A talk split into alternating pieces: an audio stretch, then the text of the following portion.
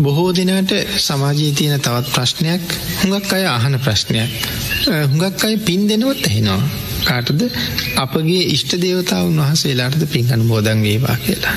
තව කෙනෙක් අහනවා කවුද ඉෂ්ට දේවතාව කියන්නේ කියලා. මේකට හොඳ පිළිතුරක් සපයන්න පුළුවන් අපි බෝසතාණන් වහන්සේගේ චරිතය එකතු කරගෙන. අන්තිම ආත්ම භාවය සම්මා සම්බුද්ධත්වයේ ලබන ආත්ම භාවය තුසිත කියන දිව්‍ය ලෝකේ ඉඳලා උන්වහන්සේ නියමිත කාලය ලැබුණාට පස්සේ පංච මහා විලෝකනය කරලා Tamanට උපදින්න සුදුසු අම්මා තාත්තා හොයාගෙන සුදුසු වෙලාවට මාතෘ ගර්භයට වැඩම කළා. ධර්මයේ සඳහන් කරනවා බෝසතාණන් වහන්සේ දෙව්ලොවින් චුත වෙලා මාතෘ ගර්භයට වැඩම කරනවත් එක්කම මේ කරුණු සඳහන් කරන්නේ ආශ්චර්ය අద్භූත ධර්ම සූත්‍රය. අద్භූත කියලා කියන්නේ පෙර නොවූ විරු තරම් දෙයක්.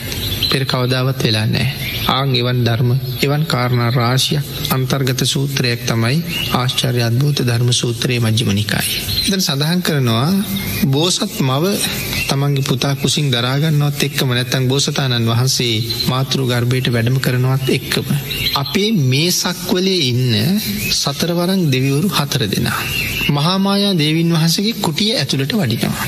ඒ වඩින්නේ බෝසත් කුමාරයාගේ ආරක්ෂාවට. එතකොට බෝසතාණන් වහන්සේගේ පුණ්‍ය මහිමේ මොනතරම් ප්‍රබලද? සතරවරන් දෙවිවරු කියලා කියන්නේ මහා විශාල බල පරාක්‍රමයක් තියෙන අය. ධර්මයේ සඳහන් කරනවා එක දෙවි කෙනෙක් යටතේ පාලනය වෙන පිරිස කෝටි ලක්ෂ හතරක් කියලා. එතකොට කෝටි ලක්ෂ හතරක අධිපතිය තමයි මේක රජෙක්. එතකොට කෝටි ලක්ෂ හතර ගානේ කෝටි ලක්ෂ 16ක අධිපතියෝ හතර දෙනෙක්. තමයි මහාමායා දේවින් වහන්සේගේ කුටිය ඇතුලේ මේ වෙලාවේ ඉන්නේ ආරක්ෂකව හැටියට. මේ දෙවිවරු කියලා මහාමායා දෙවියන් වහන්සේ ඒගොල්ලන්ට කරු කරන්න යන්නේ නැහැ. ඒගොල්ලෝ සාමාන්‍ය සේවකයෝ වගේ කුටිය ඇතුලේ ඉන්නවා. බෝසතාණන් වහන්සේගේ අනන්ත අනුභවයෙන් මහාමායා දෙවියන් වහන්සේ තමන්ගේ කටයුතු කරගෙන ඉන්නවා. මේ අය කුටිය ඇතුලේ ඉන්න බව මහාමායා දෙවියන් වහන්සේට තමන්ගේ ඇස් දෙකෙන්ම පේනවා. සඳහන් කරනවා ඒ අය මහාමායා දේවින් වහන්සේට නොපෙනෙන වෙලාවක් ඇත්නම් ඒ ශරීර කෘත්ති කරන වෙලාව නාගන්න වෙලාව වගේ දේවල් වලට ඒගොල්ලෝ නොපෙනී ඉන්නවා. අනික හැම වෙලාවෙම පෙනි පෙනි ඉන්නවා. ඒ ඉන්නේ බෝසතාණන් වහන්සේගේ ආරක්ෂාවට සහ මවගේ ආරක්ෂාවට. ඊළඟට සඳහන් කරනවා මේ මේ සක්වලේ හතර දෙනානේ. දහදාහක් සක්වල හතලිස් දාහක් සතරවරන් දෙවරු හැම සක්වලකම හතර දෙනා ගාන ඉන්නවනේ. ඒ සක්වලින් සක්වල කඩු අරගෙන ආරක්ෂාවට ඉන්නවා කියලා. එතකොට මේ තමයි බෝසතාණන් වහන්සේගේ ඉෂ්ට දේවතාවරු.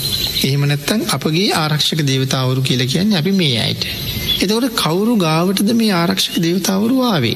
මේ සක්වලේ හතර දෙනා කුටියට මැවිල්ලා ආරක්ෂා කරන්නේ බෝසතාණන් වහන්සේ. සහ මව ආරක්ෂා කරන්න තෝනේ පුතා ආරක්ෂා වෙන්න.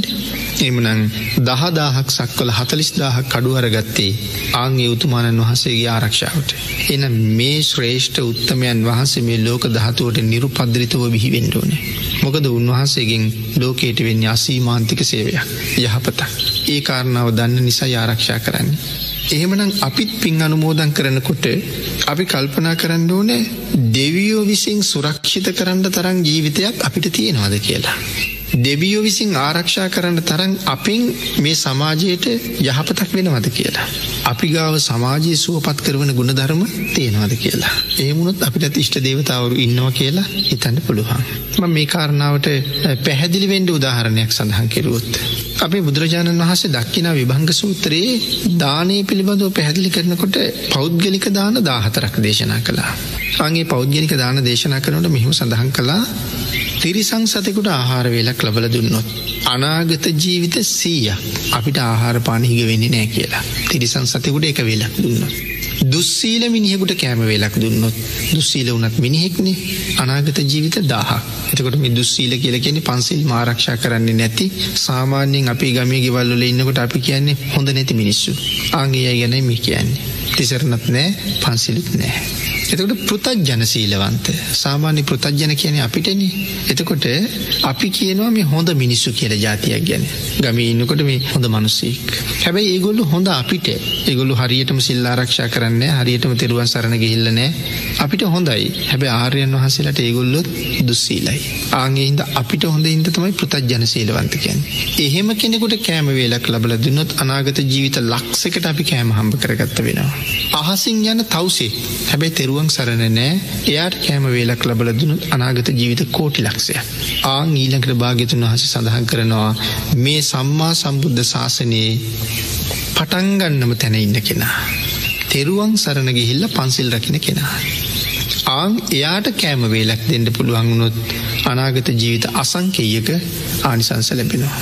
පන්සිල් නැහැ අහසින් යන තවසකුට කෑමවෙලක් දුන්නොත් අනාගත ජීවිත කෝටි ලක්ෂයයි තෙරුවන් සරණ ගිහිල්ල පන්සිල් ආරක්ෂා කරන මිනිහෙකුට කෑමවෙලක් දුන්නොත් අනාගත ජීවිත අසංකීයකට අපි කෑම හම්බ කලා වෙනවා. එතකොට කල්පනා කරලා බැලුවොත් තෙරුවන් සරණ ගිහිල්ල හරියටම පන්සිල් ආරක්ෂා කරන කෙනෙක්. යම් හේතුවකින් යම් ගෙදරකින් වතුර වීදුරුවක් ඉල්ලගත්තුත්. එයාට වතුර වීදුරුවක් දුන්න කෙනට කොච්චර පින් සිද්ධ වෙනවාද. පාරයනුව දැකලා අඩගහ කෑම වේලක් දුන්නොත් ඒ දුන්න අයට කොච්චර පින් සිද්ධ වෙනවාද. වෙසක් පොසුන් ඇසලවාගේ කාලවලට අපි රටේ හැම්ම තැනම දන්සැල් දෙනවා.